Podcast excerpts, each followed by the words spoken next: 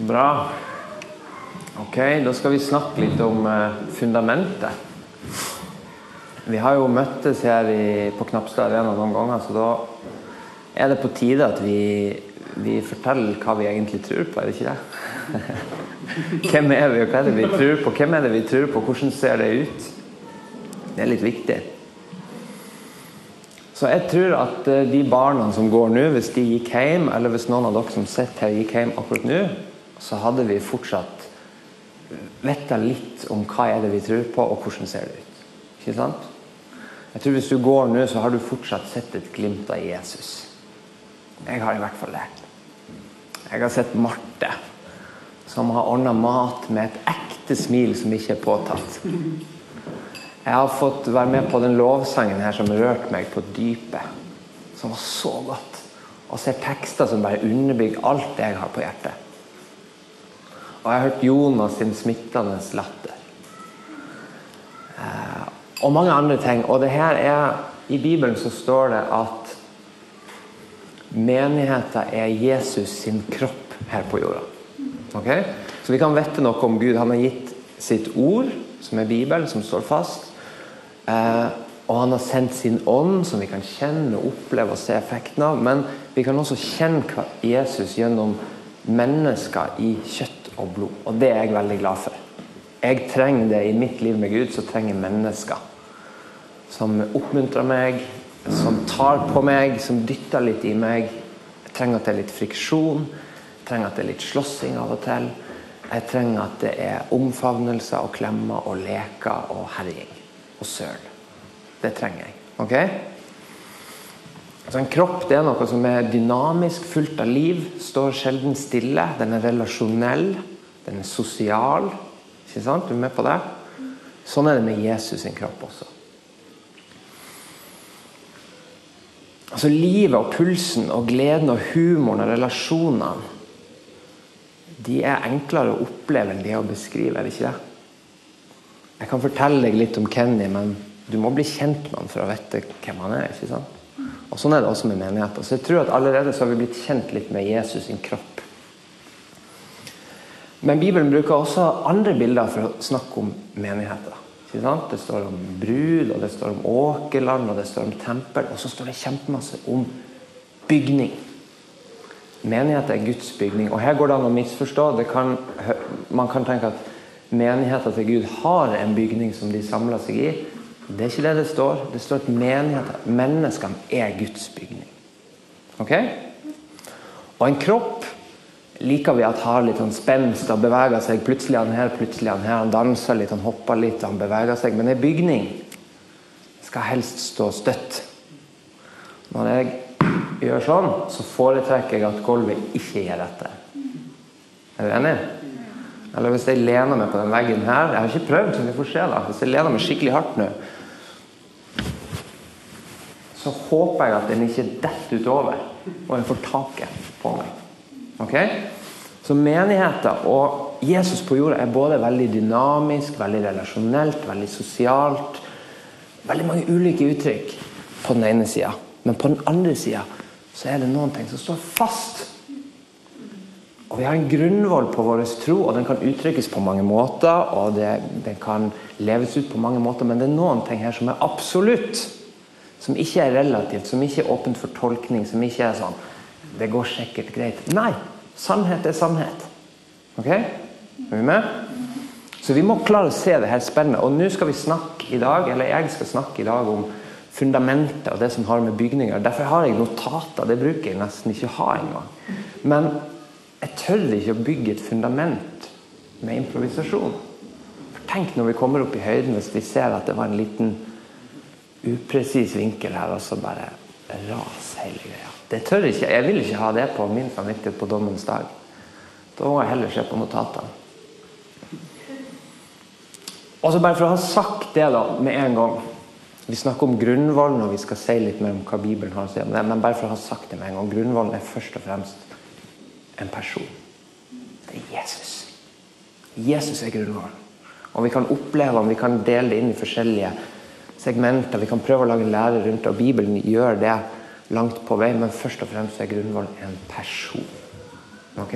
Det er ikke læresetninger eller teorier, men det er en person vi bygger livet vårt på. Er vi enige i det? Ok, så Jesus sier det her har vi lest fra før, men vi tar det på nytt. Fra Lukas 6, 46. Hvorfor kaller dere meg Herre, Herre, og gjør ikke det jeg sier? Den som kommer til meg og hører mine ord og gjør det de sier, jeg skal vise dere hvem han ligner. Han ligner et menneske som skulle bygge et hus, og som gravde dypt og la grunnmuren på fjell. Da flommen kom, brøt elven mot huset, men kunne ikke rokke det, for det var godt bygd. Men den som hører og ikke gjør etter det, ligner et menneske som bygde huset på bakken uten grunnmur. Da elven brøt mot huset, falt det sammen med en gang og ble fullstendig ødelagt. Det vil vi ikke.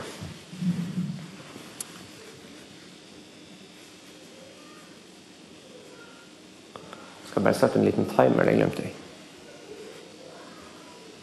Det er det beste for dere.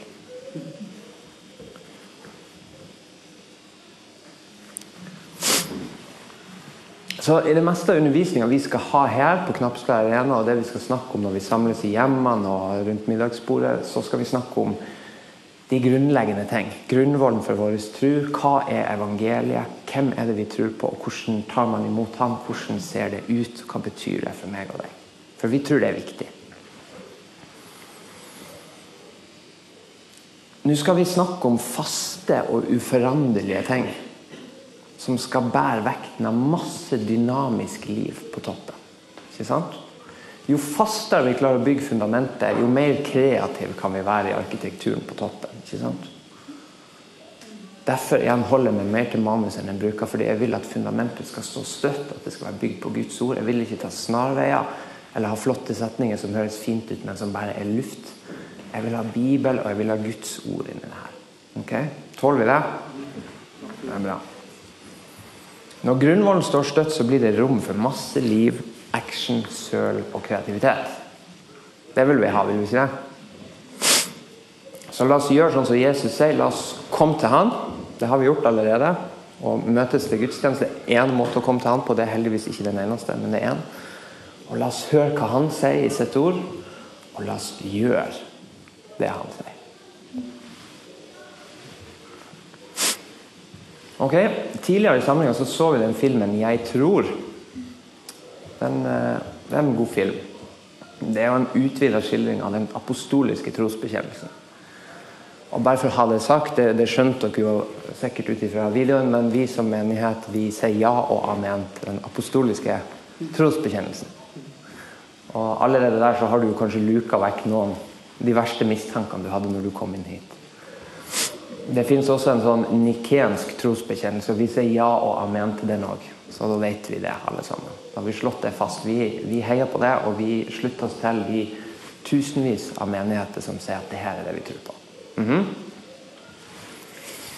Men så er det noe vi må vite om trosbekjennelse, og det er at de ble ikke nødvendigvis, ifølge NT Wright, men uh, tidligere biskop i, i, England, som er en av de fremste teologene på Det nye testamentet. Ifølge han så ble ikke trosbekjennelsen først og fremst lagd for å oppsummere det viktigste i kristen tro. De gjør det også, men de blir først og fremst lagd for å spikre fast noen kontroversielle tema, der det kun kom vranglære og misforståelser senere. Så derfor prøver de ikke alltid å beskrive livet eller en gang grunnvoll, men de setter egentlig noen gjerder rundt, sånn at ingen skal dette utfor stupet. Det er det de gjør. Og alle som har kjørt på norske veier, de vet om sånne autovern. ikke sant? Det er en snirklete vei her. Og hvis du er uoppmerksom, så har du forhåpentligvis på veien et autovern som gjør at du skraper opp bilen, kanskje du utløser airbagen og får en whiplash, men du går ikke ut i stupet. Ikke sant? Jeg har ikke gjort det sjøl, altså. Er ikke det bra med autovern? Så jeg tror at de trosbekjennelsene kan hjelpe oss å ikke gå utfor stupet. Bra start, men vi vil noe mer enn det, vil vi ikke det? Vi vil ikke bare liksom stå og vakle, vi vil bygge noe. Og for å være teknisk, så det er Gud som bygger det. Men vi vil være en del av en bygning som har et solid fundament. Så Autovernet er dårlig egnet til å beskrive livet. Det er dårlig egnet til å sette ord på hvordan latteren til Jonas er når han har hørt en dårlig vits. Okay? Men det er veldig nyttig å ha hvis noen plutselig får en fiks idé. som krasjer med det som står i Bibelen. Da er det bra å ha en trosbekjennelse som kan holde oss litt på plass. Okay? Og for sikkerhets skyld, da, vi er jo på en måte Den menigheten som samles her nå, vi har en lang tradisjon. og Vi, vi ble ikke starta i et vakuum. Vi kommer fra en sammenheng der vi har tenkt på ting før og jobba ut ting med Gud før. Samtidig så er det et nytt uttrykk her. ikke sant? Det er en ny lokal forsamling. Det er derfor vi går igjennom de grunnleggende ting. Og Vi har også tenkt at det er godt for oss å ha noen læresetninger som ligner på en trosbekjennelse. Som vårt eget, ikke sant? Vi har autovernet på riksveien, men vi vil ha et gjerde rundt hagen vår også. så skjønner skjønner. Vi vil ha noen setninger som kan fortelle litt om hva vi tror på. Så jeg tenkte å bare lese de. Og så hvis du er enig, så kan du si amen. Det er ikke tvang, men du kan gjøre det. Det er en god ting. Det står i Bibelen om at Den hellige ånd i oss vitner sammen med ordet. Det smelter sammen, og det skjer masse sånn kjemiske forbindelser i det åndelige som er kjempebra. Så det, det får du lov til. Og igjen, eh, de her setningene er heller ikke nødvendigvis det beste for å beskrive livet, men de kan liksom sparke litt borti fundamentet og si at ja, men det står støtt. Så da går vi i gang. Vi tror på Gud. Han som skapte himmelen og jorda. Yes! Han er fullkomment god og uforanderlig og har en god plan for sitt skaperverk. Amen. Vi tror at Bibelen er Guds ord. Amen. Hver bok er innblåst av Gud, full av liv og sannhet. Bibelen lærer oss hvem Gud er, hvem vi er, og hvordan han lengter etter å sette alt i rett stand igjen. Er ikke det bra? Det er en bra bok. Hæ? Jeg anbefaler Bibelen. Vi tror at Bibelen handler om Jesus. Snekkersønn fra Nasaret er bokens kjerne og stjerne. Både i Det nye og Det gamle testamentet. Han er utstrålinga av Guds herlighet og bildet av hans vesen. Og han bærer alt ved sitt mektige ord. Var ikke den siste der ekstra godt formulert? Her? Det står i hebreerbrevet. Vi tror at Jesus er Guds sønn. Amen. Sann Gud av sann Gud. Og samtidig fullt og helt menneske. Evighetens mysterium og historiens håp. Han burde du bli kjent med. Vi tror at Jesus sitt liv, hans død oppstandelse, er historiske realiteter. Det har skjedd, folkens.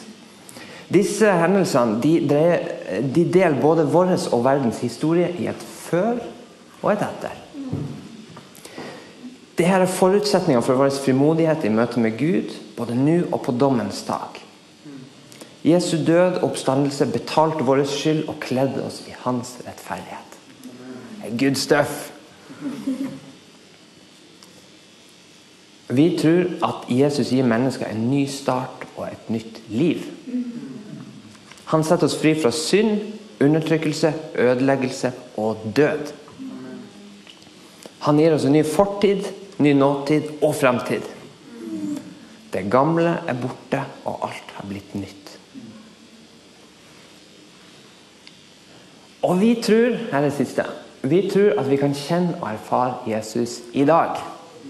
Og Det står ikke i notatene mine, men jeg tror at vi har gjort det i dag allerede. Vi har kjent og erfart Jesus allerede. Den hellige ånd flytter inn i oss når vi blir født på ny, og han lever ut Jesuslivet gjennom oss. Menigheten er Jesus sin kropp på jorda, og i forsamlinga av de troende er det hans hjerteslag som gir liv, glede og. Yes! Det her tror vi på. Det her er så bra. Ok, så nå har vi kommet dit. Um, vi har skissert hvorfor en grunnvoll er viktig. Vi har satt noen gjerder rundt en veldig svingete vei, full av norsk natur og det ene og det andre.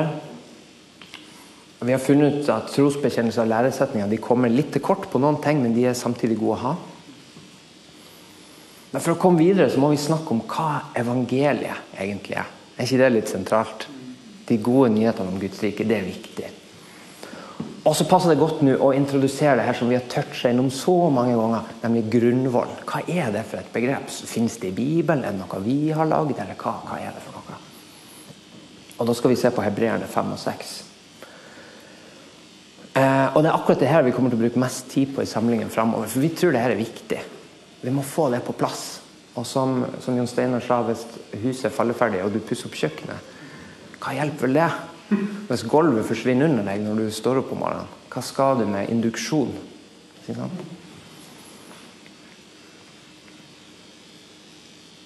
Da leser vi fra Hebreerne 6, 1-2. Og så er det litt kontekst som jeg skal gi dere etterpå. For Det er viktig. Vi kan ikke ta Guds ord ut av sammenheng og få det til å bety det vi vil. Så vi må, vi må si litt mer, men vi skal i hvert fall lese det. Her sier forfatteren. Derfor skal vi nå gå videre fra det første vi lærte om Kristus, fram mot full modenhet. Vi vil ikke på nytt legge grunnvoll. Her er det begrepet. Vi vil ikke på nytt legge grunnvoll med omvendelse fra døde gjerninger og tro på Gud, med undervisning om renselsesbad og håndspåleggelse, de dødes oppstandelse og evig dom. Ok? Er det noen som kjenner allerede at alle de begrepene der er så enkle at det her har vi bare, det er så lett. Vi bare Basics, come on, spol videre. Er det noen som kjenner det? Men det her, han sier at det her er grunnvollen. da. Og han som skriver det her, og her er konteksten at sannsynligvis så har denne forfatteren, så er ikke det en av apostlene, vi vet ikke hvem, har reist rundt og lagt en grunnvoll. Han har gitt dem ordets melk, som det står i Hebreerne 5. Han har gitt dem melk, han har vært tydelig, han har sikkert våka med dem på natta. Han har masa på det, han har lest for de som ikke kan lese. Og han har brukt så masse tid på å legge en solid grunnvoll. Og så på nytt så roter de seg bort i alle mulige vranglærer og misforståelser. Så han er frustrert når han skriver det her. Jeg vil jo ikke på nytt legge denne grunnvollen, jeg har nylig gjort det. Så det er derfor, og jeg, Vi må si det, fordi vi sier at vi skal legge denne grunnvollen. Vi gjør det motsatte av Guds ord. Er det, er det lov? Er det, er det trygt? Men her er, vi vil faktisk legge denne grunnvollen. Fordi som jeg sa, vi kommer fra en tradisjon der vi har en klar formening om hva grunnvollen er. Men det her er en ny forsamling på et nytt sted, og vi møter nye mennesker hele tida som har forskjellig bagasje, forskjellige assosiasjoner til tro. Derfor vil vi legge den grunnvollen. Men det som er viktig, er at vi legger den samme grunnvollen. Den samme grunnvollen som hebreerbrevets forfatter var litt lei av å legge, den legger vi nå med stor iver og frimodighet, fordi vi har sett det her. Vi har sett at det funka i Oslo, vi har sett at det funka i den menigheten, vi har sett det der og der og der, at denne grunnvollen basert på Guds ord, den holder. Og nå er det en ny bygning som Gud holder på med her. Da skal vi sannelig bruke den grunnvollen her òg. Ok? Og Vi har lyst til å gjøre det her tilgjengelig og erfart, at du kan ta på det. At du kan erfare det, at det ikke bare blir teori. Men det er den samme grunnvollen vi snakker om som den Paulus og de andre apostlene la. Så oppsummert ut ifra det som står i Hebreerne 6, så kan vi si at grunnvollen der er omvendelse fra døde gjerninger. Det er viktig for en disippel. Okay? Tro på Gud det er viktig. Også i teksten så leste vi 'renselsesbad'. Det det egentlig står, det er dåp i flertall. Ok?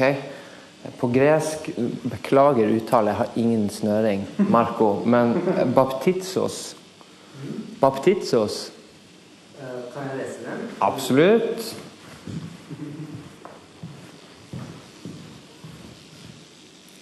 Baptizo. Er det en Ja, verb? du. Baptizo? Ja. Ok, så det, det det egentlig står det, På norsk står det renselsesbad, og det er ikke til hjelp for oss. Så veldig. Men det er i hvert fall dåp i flertall, og vi tror at det handler om å bli døpt i vann. Å bli døpt i vann det er å begrave det gamle livet. Bli ferdig med det. Fordi Gud han driver ikke og tweaker ting og finjusterer. Nei, nei, han blir ferdig med det. Og så gir han oss noe nytt isteden. Er ikke det bedre? Å, jeg er så glad det hadde tatt så lang tid med meg. Hvis han skulle drass på alt rart hele tida. Men jeg har fått lov å begrave det og gå videre. Ok, Er ikke det bra? Og Det handler om dåp i Den hellige ånd. Altså å bli kledd i kraft til å leve det nye livet. Ikke bare får vi kvitt oss med det gamle, men vi får kraft til det nye. Vinn-vinn. Håndspåleggelse snakker han om. Nemlig å erfare Jesus i kjøtt og blod gjennom søsken i menigheten. De dødes oppstandelse. Ikke bare at Jesus sto opp, men det er ganske sentralt, det òg. Paulus skriver i 1. Korinterne 15 at hvis Jesus ikke sto opp, da er de, vi de mest ynkelige mennesker av alle. For da er alt vi tror på. Da er det som å se dronning Eufemias gate og trikken bare forsvinne i havet. Hvis Jesus ikke sto opp, da er vi screwed. Men så sto han opp, da. Eh, og, og, og grunnvollen er ikke bare at han sto opp, men at vi skal stå opp. Og det står faktisk at vi skal stå opp i en oppstandelse som er lik hans. Mhm. Og evig dom er det siste punktet. Det høres litt skummelt ut, men dommen er godt nytt for den som kjenner dommeren. Og som har hans sønn som forsvarer. Hæ? Evig dom handler om hvordan det som skjedde på korset, forandra og forsegla både vår retning og destinasjon. Er ikke det gode nyheter? Og så, som sagt, så må vi være sikre på hva er evangeliet, og hvordan henger det her sammen. Så hvis du allerede nå kjenner at det er et tema som du trenger å lære mer om, jeg trenger det, eh, så er de gode nyhetene at vi kommer til å legge ut noen lenker på Facebook-sida vår til en artikkelserie med forskjellige tekster som handler om det her. Og vi kommer til å legge ut link til en app som har tekster både på norsk og engelsk og spansk og et par språk til. Som handler om grunnvollen av livet med Gud. Eh, sånn at her går det an her har vi litt ressurser for videre samtale og for videre studium. For det jeg sier i dag, er ikke hele pakka. Nå introduserer vi et tema og en måte å snakke på, sånn at vi kan jobbe med det sammen. ikke sant? Ok, så la oss se på hva evangeliet er. Det skal jeg bruke resten av tida på i dag, tenkte jeg. Eh, Jeg sjekka i Store norske leksikon, og der står det at eh, evangelium i dag brukes mest om det kristne budskapet, eller de fire første bøkene i Det nye testamentet. altså Matteus, Markus, Lukas, Johannes. Det er våre assosiasjoner til evangelium. Eh, Men evangelium er et begrep som er eldre enn både Det nye testamentet sine skrifter og hendelser. Eh, Det er et begrep som er kjent i antikk litteratur. Det vil si akkurat som korset. Det er jo et kristent symbol nå, er ikke det det? Korset fantes før Jesus kom på jorda. Da var det et romersk symbol på imperiet, og at de, de velger hvem som lever og hvem som dør. De er liksom Guds autoritet på jorda. Et forferdelig symbol, egentlig, men så tar Gud og bruker det og, og adopterer det og, og setter Cæsar på plass, for å si det sånn. da. Cæsar sa dø, men Gud sa lev. Eh, og På samme måte er det med evangelium, selv om det er ikke så dramatisk. Evangelium det var et ord som folk kjente. Man visste hva en evangelist var før Matteus ble født. Tenk på det. Det visste du kanskje ikke. Så nå har jeg lagd en litt uh, uh, litt søkt forestilling som kan uh, illustrere det her litt. Se for deg at vi levde i en tid før moderne kommunikasjon. Og Knapstad var en av mange byer rundt om her som var underlagt et skikkelig fælt terrorvelde av en diktator eller en ond konge. Ok? Se for deg det. Eh, og hele Indre Østfold var liksom underlagt den onde kongen. Folk hadde det tungt, og de fulgte skikker, og de ba til guder som denne kongen hadde befalt dem, og alt var mørkt og trist. Mm. Da kan man se for seg at det kom en evangelist ridende på hest. Da kan man se for seg at det kom en evangelist ridende som sa det her. Hør, hør! Slaveriet er over. Jon Steinar Kjøllesdal har mønstra en hær av modige menn. Ser dere for dere det? Og de har beseira undertrykkerne. Det er slutt på terrorveldet, urimelig beskatning og ondskap i Indre Østfold. Jon Steinar er ny konge. Og han kommer snart til Knapstad for å sette ting i rettsstand også. Omvend dere fra de gamle skikkene som hørte til slaveriet, og ta imot godt nytt, ta imot evangeliet om at Jon Steinar har blitt konge. Gjør klart for kongen, for han kommer tilbake i triumftog. Sant? Så det her er et evangelium. Det her evangeliet er jo ikke sant, da. Men det kunne ha vært det. I en litt dårlig og klein forestilling så kunne det ha vært det. Så det er det evangeliet betyr, rett og slett. Og det er den konteksten, og det er det begrepsapparatet, eller det, det begrepssystemet som Gud bruker når han beskriver at Jesus har blitt konge. Er ikke det litt kult? Så da Jesus gikk på jorda, så kom han med godt nytt. Ikke sant? Bibelen kaller Jesus et budskap for evangeliet, og det betyr de gode nyhetene om Guds rike. Ikke sant? Vi kan tenke at det er evangeliet om at jeg fikk fred med Gud, evangeliet om at jeg ble frelst. Og det er inni der, men evangeliet er mer. Det er et evangelium om et rike og en konge. Og det får konsekvenser for alt sammen. Evangeliet er knytta til at Gud har grepet inn i historien, og han har grepet inn for å frelse hele verden fra onde og ødeleggende krefter. Evangeliet er at Gud bryr seg om mennesker, og evangeliet forandrer absolutt alt. Skjønner du? Og For en tid tilbake så lagde vi en sånn, et lite hefte som skulle oppsummere kristen tro i menigheten i Oslo. Og Jeg tenkte å lese et utdrag fra det når vi har oppsummert evangeliet, sånn som vi kan presentere det. Og Evangeliet presenteres mange ganger i Det nye testamentet. Responsen er alltid lik, men det, det er mange måter å, å, formidle det på. Men dette er én måte. Gud sendte sin sønn Jesus Kristus for å redde og berge alt og alle som ikke hadde det godt. Og for å gjenopprette forholdet mellom Gud og mennesker. Han helbreda syke, han tilga synd, og han satte folk fri. Han kom med nåde og kjærlighet og tok imot alle slags mennesker sånn som de var. Han demonstrerte Guds rike og viste oss Guds gode vilje. Jesus tok et oppgjør med all verdens ondskap idet han ga sitt liv i stedet for oss. Han tok straffen for vår feil da han ble pint og hengt på et kors for å dø. Men Gud reiste Jesus opp fra de døde og gjorde ham til herre og konge over alt. Han har all makt i himmelen og på jorda, og ved Hans nåde fins tilgivelse for synd, oppstandelse fra døden, fred med Gud og håp for hele skaperverket. Er ikke det et bra evangelium? Det er evangeliet om Guds rike. Det er det evangeliet vi forkynner. Dette er gode nyheter. Eh, og hver og en må ta stilling til hvilken respons vi gir til det. Ok? Det beste er å gi respons på det nå. Men kongen kommer tilbake en dag uansett.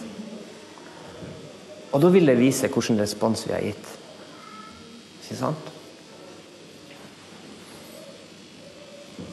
Så hvordan ser en respons på evangeliet ut i Bibelen? Er det noen fellestrekk? Er det noe som går igjen? Et litt ledende spørsmål det er jo selvfølgelig det. Men hvis du vil, så kan du gjerne lese på egen hånd når du kommer hjem hele apostelgjerningene 2. Da er det pinsedag. Peter har fått full, full gjenreisning etter å virkelig ha tabba seg ut. Han har både blitt møtt av Gud på tomannshånd og hatt en fortrolig samtale og fått blitt rak i ryggen. Og ikke bare det, han har blitt kledd med kraft fra det høye. Han har fått en hellig åndskraft. Så nå er ikke lenger eh, Peter en sånn blanding av en løs kanon på dekk og en feiging. Nå er han modig, og han snakker Guds ord, og han forkynner evangeliet sånn at folk skjønner det. Og så kommer vi da til vers 36. Da får vi slutten av Peters evangelium, og så ser vi hvordan reagerte folk på det. Så skal hele Israels folk vite for visst denne Jesus som dere korsfestet, ham har Gud gjort til både Herre og Messias. Ouch! Tenk litt på den. Denne Jesus som dere pinte og korsfesta og drepte uskyldig. Det er Guds Messias. Oh. Bummer. Da de hørte dette, stakk det dem i hjertet. Det kan jeg skjønne. Og de sa til Peter og de andre apostlene Hva skal vi gjøre, brødre? Hva skal vi gjøre? Her er fakta på bordet. Vi tok feil. Vi har korsfesta han, og Gud har reist ham opp. Og oh, det er han som er dommer. Han vet hva vi gjorde. Han vet hva jeg har gjort. Han vet hvem jeg er. Det er ute med meg. Fins det håp? Hva kan vi gjøre? Si det! Peter svarte dem. Vend om og la dere døpe i Jesu Kristi navn, hver og en av dere, så dere kan få tilgivelse for syndene. Og dere skal få Den hellige ånds gave. Ja, klar beskjed, var det ikke det? For løftet gjelder dere og barna deres og alle som er langt borte. Og så mange som Herren vår Gud kaller på. Også med mange andre ord vitnet han for dem. Han formante dem. La dere frelse fra denne vrangsnudde slekten. De som tok imot budskapet hans, ble døpt. Det var responsen. Og den dagen ble det lagt til omkring 3000 mennesker. Og Så står det videre om hvordan livet så ut, og her kommer vi jo inn på håndspåleggelsen. At, at livet ser ut som noe. Det er ikke bare en indre overbevisning. også back to usual, Men det er et samfunn, og det er noe som skjer her. De holdt seg trofast til apostlenes lære og fellesskapet. Til brødsbrytelsen og bønnene. Hver og en ble grepet av ærefrykt, og mange under og tegn ble gjort av apostlene. Alle de troende holdt sammen og hadde alt felles. De solgte eiendommene sine og det de ellers eide, og delte ut til alle etter hvert, ettersom hver enkelt trengte det. Hver dag holdt de trofast sammen på tempelplassen, og hjemmene brøt de brødet og spiste sammen med oppriktig og hjertelig glede. De sang og lovpriste Gud og var godt likt av hele folket, og hver dag la Herren til nye som lot seg frelse. Wow! Good stuff. Så egentlig, på, det, på, den korte teksten her så ser vi hele grunnvollen i funksjon, gjør vi ikke det? Vi får se evangeliet forkynt. Jesus, hans død, hans oppstandelse, hans kongemakt, Guds plan. Eh, og så legg merke til det. Nå, nå har jeg gjort et litt sånn tankeeksperiment for meg sjøl. Hva skjer hvis vi tar bort omvendelsen fra evangeliet? Hvordan ser det ut? Hva skjer hvis vi tar bort tru? Hva skjer hvis vi tar bort en enkelt? Kan huset da stå, eller kollapser alt? Så, så følg med her. Det står ikke bare omvend dere, ta dere sjøl i nakken og slutt med denne ondskapen. Verden er den samme, men prøv litt hardere, så går det nok bedre. Det tror jeg det er mange som har prøvd. ikke sant? Det er jo verdensevangeliet. Prøv litt hardere, så går det nok over. Men det samme paradigmet, samme verden, samme forutsetninger. Som en venn av meg eh, litt dystert brukte, brukte å si Ny dag, samme muligheter. Det er hardt, men det er litt sant, da. Sånn ser det ut med omvendelse uten tro, uten det paradigmeskiftet som kommer når vi venner oss til hans evangelium. Eller hør på det her, da. Tenk hvis du tar bort omvendelsen og du bare tror. Da er det sånn Ja, alle sammen, fortsett som før. Nå har vi lært dere noen nye ting. Eh, litt ny kunnskap som kan være godt å ha på en regnværsdag, men fortsett som før. Det går dårlig, det også, gjør det ikke det? Og bare tro. Og det står også i Jakobs brev så står det noe ganske hardt. Det står ja, du tror sånn og sånn om Gud, du, du har læren på plass. Demonene også tror det, og de skjelver. Men de er ille ute. Eller hva om det her, da? Hva om de vender om og, og, og tror, og så er det bare gjenta etter meg? Det er sikkert godt nok, det. Å ja, du har litt historikk. Du har et helt liv som slave og synder, og, og du har mange sår og greier med deg. Tiden leger alle sår, det går nok over av seg sjøl. Er det det som er evangeliet? Det er ikke det som er evangeliet. Evangeliet hør her, nå har du vendt om, du har trodd noe nytt, det forandrer alt. Du trenger i dåpen å legge vekk alt det der. Få en clean slate og få forutsetninger for å leve uten det der slaveriet, døde åket, slepende fra til deg. Ok? Dåp i vann er viktig. Eller hva med det her, da? La oss si at vi kommer oss til dåpen i vann, og så sier vi ja, Begrav det gamle livet, og så bare prøver du så godt du kan med din egen kraft å leve et guddommelig liv. Funka det? Det blir veldig svett og veldig stygt. Ikke sant? Vi trenger å bli døpt i Den hellige ånd. Vi trenger å bli kledd i kraft fra det høye, sånn at vi er i stand til å leve et guddommelig liv. Ok? Det er grunnvollen, det her. Eller kan, kan vi tok bort håndspåleggelsen og det aspektet? Vi sa ok, alle nye skapninger, ny kraft og alt sånt her, men uh, nå er det viktig at alle går hver til sitt og gjør litt egenstudium og bare finner ut av det her. Så kan vi ha sånn reunion om en, om en ti tid og se hvor alle er i livet. Sant? Det er ikke evangeliet. Vi må ha håndspåleggelse. Vi må ha noen som legger hendene på de syke, så de kan bli friske. Vi må ha noen som gir deg en klem når du ikke helt får til familielivet. Vi må ha noen som rister tak i deg når du er så inne i din egen boble at du ikke ser folk rundt deg. Skjønner du? Vi må ha håndspåleggelse i Guds menighet. Det er grunnvoll. Ta det bort, og så plutselig, når du lener deg på en vegg, så raser Eller tenk på den her, det blir jo for banalt egentlig, men la oss bare følge den ut. Tenk hvis det var sånn her, da. Jesus sto ikke opp, men han hadde jo masse godt å si. Så vi skal tro og vi skal omvende oss og vi skal få litt kraft, og sånn, men til syvende og sist så, så står ikke vi heller opp, da. Den er lei, da. Ikke sant? Eller sist om vi sa ja, alt er bra, nå er vi på sporet menighet og håndspåleggelse og kraft og, og liv og samfunn. Koinonia, ikke sant? Var det riktig?